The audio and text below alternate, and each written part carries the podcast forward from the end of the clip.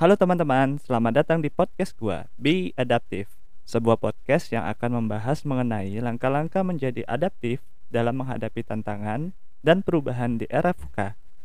Dalam podcast ini, setiap dua minggu sekali gua akan bercerita dan sharing mengenai pengalaman hidup gua serta poin-poin yang gue pelajari baik dari pengalaman kerja, buku, pelatihan, maupun sumber-sumber lainnya.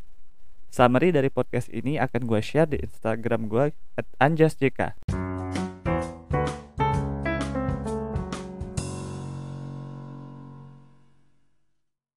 Di episode 1 ini, gue akan bercerita mengenai four stages of competence.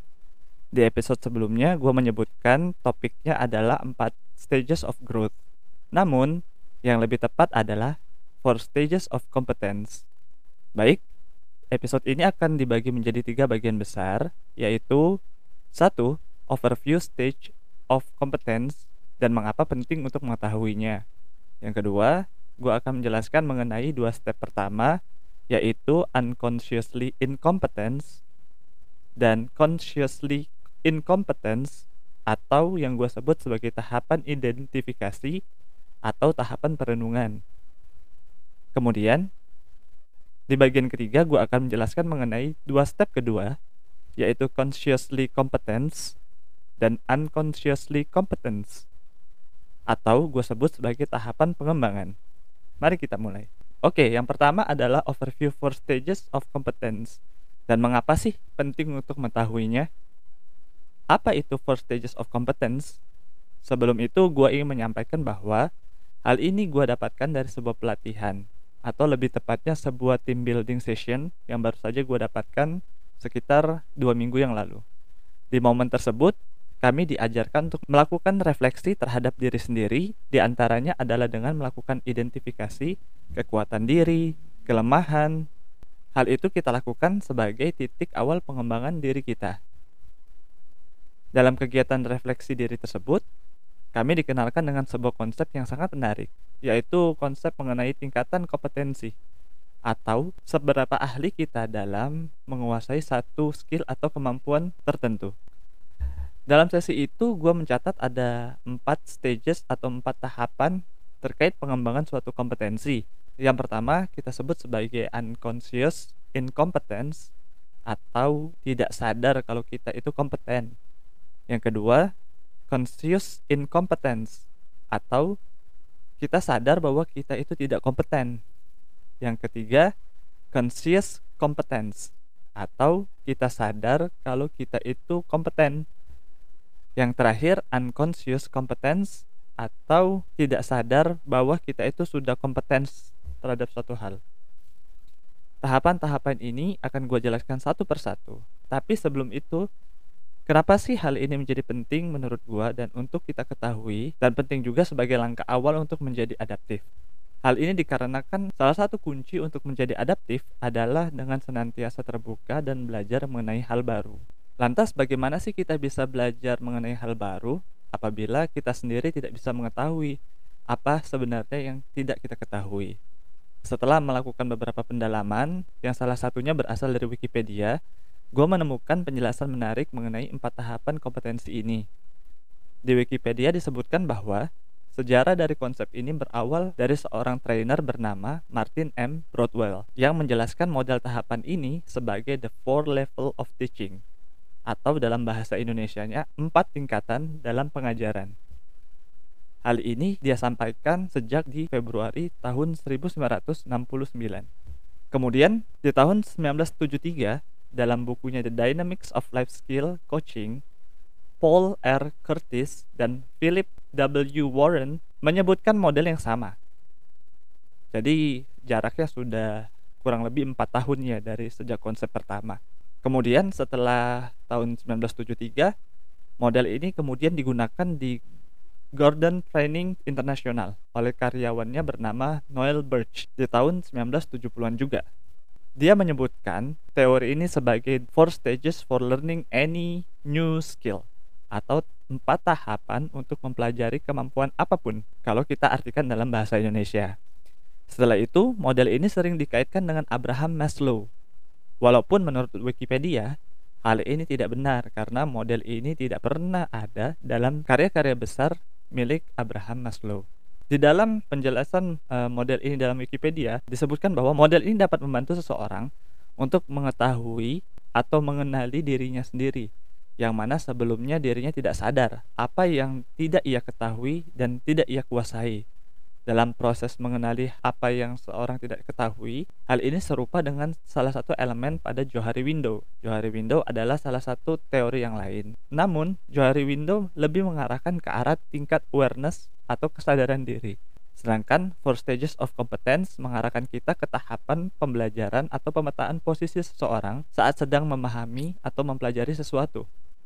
Jadi, Model ini merupakan model yang sudah lama digunakan dalam pelatihan, pengembangan diri dan menurut gua masih sangat relevan atau bertambah relevan di era penuh perubahan seperti sekarang ini. Karena itu, kita sangat penting nih untuk sadar ternyata dalam tingkatan pembelajaran atau dalam mengetahui sesuatu kita perlu memetakan sebenarnya kita itu ada di tahapan mana sebelum kita bisa menarik kesimpulan dan melanjutkan proses pembelajaran kita. Jangan-jangan saat ini kita sudah ahli pada satu hal, kemudian hanya saja tidak sadar terhadap keahlian kita itu, sehingga kita tidak bisa menjelaskan ke orang lain bahwa kita adalah ahli di bidang tersebut. Atau ekstrimnya yang lain adalah kita sebenarnya belum tahu hal itu, tapi selama ini kita merasa tidak sadar. Hal ini perlu kita ketahui sebagai titik dasar sebelum kita bisa memulai lebih jauh dalam proses pembelajaran. Baik, itulah sekilas mengenai four stages of competence dan kenapa penting bagi kita untuk mengetahuinya. Selanjutnya, gue akan masuk ke dua step pertama, yaitu unconsciously incompetence dan consciously incompetence. Sebagaimana yang gue sampaikan di awal, tahapan ini gue sebut sebagai tahapan identifikasi atau tahapan perenungan. Kenapa? Karena di tahapan ini kita akan lebih banyak refleksi dan melihat ke dalam diri kita sendiri. Ya, kita mulai dari tahapan pertama yaitu unconsciously incompetence atau tidak sadar tidak kompeten. Dalam tahapan ini kita berada dalam posisi di mana kita tidak mengetahui bahwa kita tidak menguasai satu atau lebih kemampuan tertentu. Hal ini disebabkan oleh banyak hal. Tapi ada dua kelompok besar yang menjadi alasan kenapa seseorang tidak sadar atau tidak mengetahui dia berada dalam tahapan ini. Pertama, karena kita tidak pernah membutuhkan skill tersebut. Karena kita tidak pernah membutuhkan skill tersebut, maka kita tidak akan pernah tahu kalau kita tidak mahir atau tidak kompeten. Dan yang kedua, karena kita tidak pernah mengetahui kepentingan terhadap skill atau kemampuan itu, atau kita tidak pernah mengukur diri bahwa sebetulnya kita itu memerlukan skill ini dan kita belum kompeten. Pada situasi kedua, terkadang kita melakukan sesuatu sebagaimana biasanya, tanpa melakukan improvement. Padahal di beberapa situasi kita diharapkan untuk dapat melakukan sesuatu itu dengan baik, bukan dengan biasa-biasa saja. Sebetulnya banyak sekali situasi yang bisa kita jadikan contoh untuk menjelaskan hal ini. Namun dalam podcast ini gue akan menggunakan analoginya dengan kegiatan menyetir dan pembuatan materi presentasi atau yang biasa kita sebut sebagai deck. Sebagai contoh pertama terkait kegiatan menyetir, Mungkin pada suatu kesempatan teman-teman tidak membutuhkan skill ini. Misalnya ketika teman-teman masih menggunakan transportasi publik ke mana-mana, tetap naik bus, naik angkot, naik gojek, atau teman-teman menggunakan motor. Atau bahkan ketika teman-teman lebih sering diantar oleh orang tua, driver, atau lainnya. Dalam kondisi seperti itu, seringnya orang tidak berpikir untuk mempelajari skill ini sehingga dia tidak akan berubah dan tetap berada pada tahapan pertama yaitu unconscious incompetence. Dia tidak sadar bahwa dia itu tidak kompeten pada satu hal. Dalam kasus ini kita akan sadar ketika ditemukan dengan suatu kondisi di mana kita harus menyetir sendiri. Misalnya, ketika kita pergi ke suatu tempat atau ke suatu negara yang kebanyakan orang harus menyetir sendiri instead of menggunakan kendaraan publik. Saya sendiri yang berasal dari pengguna sepeda motor sewaktu sebelum di Jakarta, saya menggunakan sepeda motor ke mana-mana, baik untuk kuliah maupun saat SMA. Akhirnya merasakan kebutuhan ini saat sudah aktif bekerja dan hidup di Jakarta. Di mana ketika setelah menikah, kebutuhan menggunakan mobil pribadi itu baru terasa. Sangat berbeda jika dibandingkan saat sebelum gua berkeluarga Karena apa? Karena ya tentu saja ketika kita dulu sendiri kita hanya butuh mengangkut diri kita sendiri. Namun setelah berkeluarga pasti kita butuh pergi berbareng-barengan sama keluarga yang lain. Sebagai contoh yang lain, ketika teman-teman sudah terbiasa menyetir, misalnya sudah terbiasa membawa kendaraan dari lama, namun, sebenarnya gaya menyetir teman-teman itu belum standar, baik dari sisi keamanan maupun aspek lainnya. Pada kasus yang ini, kita sebut sebagai kondisi di mana kita belum sadar pentingnya kemampuan ini. Apa sebabnya? Biasanya karena kita hanya menyetir sendiri selama ini, sehingga tidak ada yang dapat memberikan masukan terhadap gaya menyetir kita. Pada kondisi ini, kita bisa sadar bahwa kita tidak terlalu kompeten adalah ketika kita bertemu pada situasi misalnya kita harus menggunakan skill ini di hadapan orang lain, seperti saat membawa keluarga, membawa teman, dan sebagainya. Pada akhirnya, para penumpang akan memberikan masukan atau feedback kepada kita terhadap kemampuan menyetir kita. Saat itu, orang baru ngomong ke kita, "Hey bro, ternyata kalau lo nyetir itu nggak hati-hati ya. Gasnya terlalu mendadak, remnya nggak bisa halus, atau cara beloknya kurang membuat penumpang nyaman." Itulah feedback yang kita dapatkan ketika kita menggunakan skill ini di hadapan orang lain, bukan hanya untuk diri kita. Dan kata kuncinya adalah feedback. Itu adalah kata kunci untuk menuju tahapan kedua. Di mana di saat kita berada dalam tahapan pertama, yaitu unconscious incompetence, feedback adalah salah satu cara yang paling ampuh untuk mengukur diri kita. Pada contoh yang tadi dijelaskan, kita baru mengetahui kemampuan menyetir kita itu masih kurang ketika kita mendapat masukan dari teman-teman, saudara atau keluarga yang mengikuti kita atau yang kita bawa saat kita menyetir. Boleh jadi di kesempatan yang lain, kita yang terlebih dahulu menanyakan, apakah kemampuan kita sudah cukup atau belum. Hal ini bisa jadi terjadi ketika teman-teman atau keluarga kita tidak nyaman untuk menyampaikan feedback mereka kepada kita terlebih dahulu. Maka sangat disarankan untuk menanyakan kepada mereka apakah kemampuan saya ini atau gaya saya ini sudah cukup baik di mata Anda. Contoh kasus di atas juga bisa dijadikan ilustrasi untuk kondisi-kondisi lainnya. Seperti pada contoh kedua ini, di dunia profesional misalnya kita dituntut untuk mempersiapkan satu bahan presentasi atau yang biasa gue sebut sebagai deck. Terkadang kita terus mempersiapkan bahan presentasi atau deck secara terus-menerus. Kita gunakan deck tersebut untuk presentasi dan kegiatan ini terus berjalan sehari-hari. Padahal kenyataannya kualitas dari deck yang kita siapkan masih sangat kurang sebetulnya apabila kita meminta pandangan dari orang lain. Pada kondisi ini kita harus terbuka dan sering menanyakan feedback kepada rekan-rekan kerja, bahkan atasan, apakah deck yang kita bikin itu sudah sesuai dengan yang diharapkan oleh teman-teman atau rekan-rekan kerja kita atau customer kita atau masih dapat ditingkatkan lagi.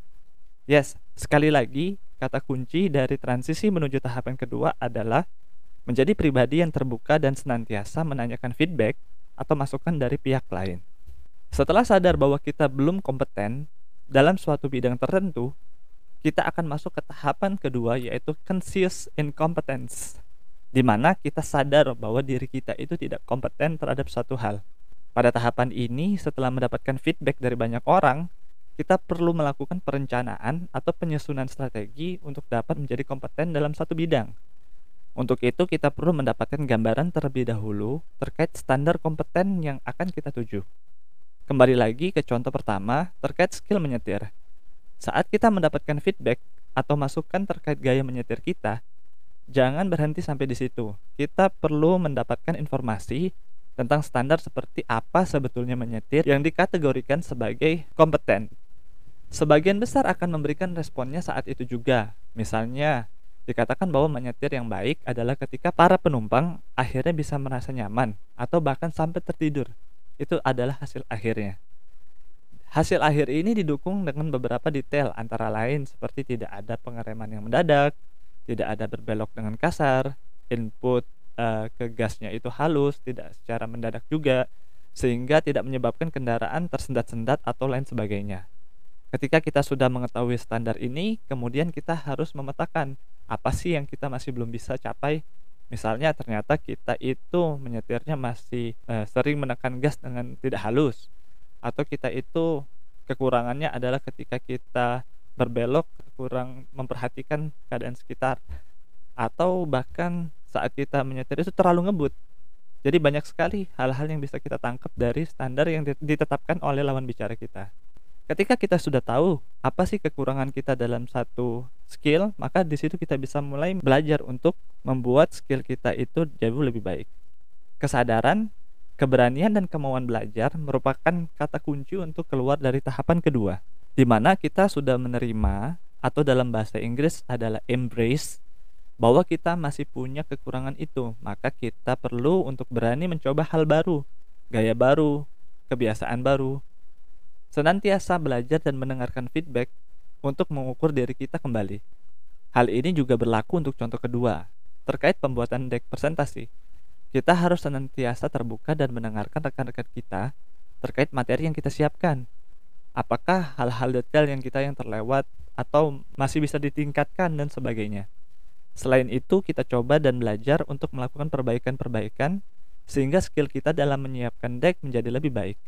Setelah kita lalui tahapan kedua ini dengan latihan untuk mencapai standar yang ada, maka momen ini menjadi momen penting bagi diri kita untuk memasuki tahapan ketiga, yaitu consciously competence atau kita sadar bahwa kita kompeten terhadap suatu hal.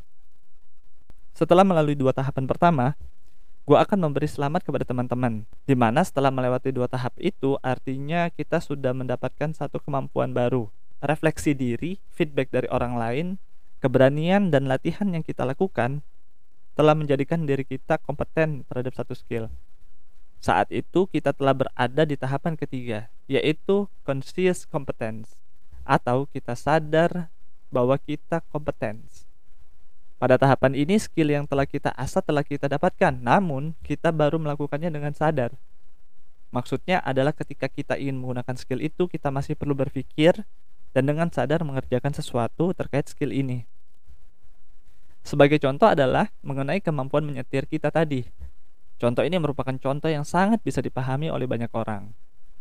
Setelah kita melakukan latihan dan telah dapat menyetir dengan baik, maka orang-orang akan merasakan kemampuan kita telah meningkat. Dari perspektif orang di luar kita, sangat sulit untuk membedakan apakah kita berada di tahapan ketiga atau sudah di tahapan keempat karena kita sudah sama-sama terlihat kompeten. Lalu apa bedanya? Perbedaannya adalah tingkat kesadaran kita saat menggunakan skill ini. Pada contoh kegiatan menyetir, kita sudah dapat menyetir dengan baik, tetapi kita masih menjalani proses berpikir saat melakukannya. Ada proses berpikir yang, yang dapat dirasakan hanya oleh diri kita sendiri saat kita mengganti perseneling gigi, atau di saat kita melakukan pengereman, atau di saat kita berbelok, dan seterusnya. Proses berpikir ini kita lakukan secara otomatis untuk memastikan kita menggunakan skill ini dengan baik. Kita akan berpikir bahwa untuk mengubah tuas transmisi eh, kita harus lakukan di saat RPM tertentu pada kendaraan yang transmisi manual misalnya atau saat kita melakukan pengereman kita harus berpikir bagaimana cara menginjak rem dengan hati-hati dan bukan tiba-tiba proses yang sama kita rasakan ketika kita sudah mahir dalam pembuatan deck misalnya. Kita akan melewati proses berpikir tahapan-tahapan apa saja sih yang kita lalui untuk membuat satu deck dengan baik. Kita akan dengan sadar menyiapkan list kerangka materi misalnya, agar deck presentasi kita dapat menjadi satu story yang baik. Setelah itu kita juga mengatur isi deck dan banyak pertimbangan-pertimbangan yang lain kita lakukan dengan sadar sambil mengingat bagaimana ya kriteria deck yang baik itu Suatu saat nanti gue akan berbagi terkait hal ini secara lebih spesifik apabila teman-teman tertarik. Penggunaan kemampuan ini dengan sadar secara terus-menerus akan membuat kita semakin mahir. Pada akhirnya kita akan melangkah ke tahapan berikutnya yaitu unconscious competence. Kata kuncinya adalah pengulangan atau repetisi. Semakin kita sering menggunakannya, kita semakin tidak secara sadar memikirkan tahapan-tahapan dalam proses persiapan maupun perbandingan-perbandingan dalam melakukan suatu skill yang sudah kita latih. Sebagai contoh, dengan semakin sering kita gunakan, kita akan semakin mahir menyetir. Dan semakin mahir kemampuan menyetir kita, maka kita bisa melakukan kegiatan ini dengan baik tanpa sadar. Kita bisa menyetir dengan baik sambil mendengar podcast ini misalnya. Kita bisa juga mengobrol dengan rekan-rekan satu mobil tanpa mengurangi kualitas dari kemampuan kita mengendarai kendaraan. Hal yang sama kita rasakan ketika kita sudah semakin mahir dalam merancang sebuah deck. Maka tangan kita akan bergerak sendiri dalam membuat rangkaian storyline yang mau kita sampaikan. Bahkan Kita tidak perlu lagi secara spesifik menyiapkan waktu untuk membuat kerangka materi dan sebagainya. Begitu juga dengan pengaturan konten. Kita akan dengan tanpa sadar melakukan tata letak, penulisan materi. Hal itu kita lakukan dengan baik. Sehingga terlihat deck kita dapat dikerjakan dengan baik tanpa effort yang terlalu besar. Selain tingkat usaha yang berubah, waktu pengerjaan juga akan semakin singkat ketika kita sudah dapat mengerjakan sesuatu yang sudah bisa kita lakukan secara unconscious atau secara tidak sadar. Ultimate-nya, ketika kita sudah menghasilkan jasa atau produk dengan cepat dan efektif, kita juga tidak akan merasa begitu lelah dalam mengerjakan kegiatan terkait dengan kompetensi ini. Menarik bukan?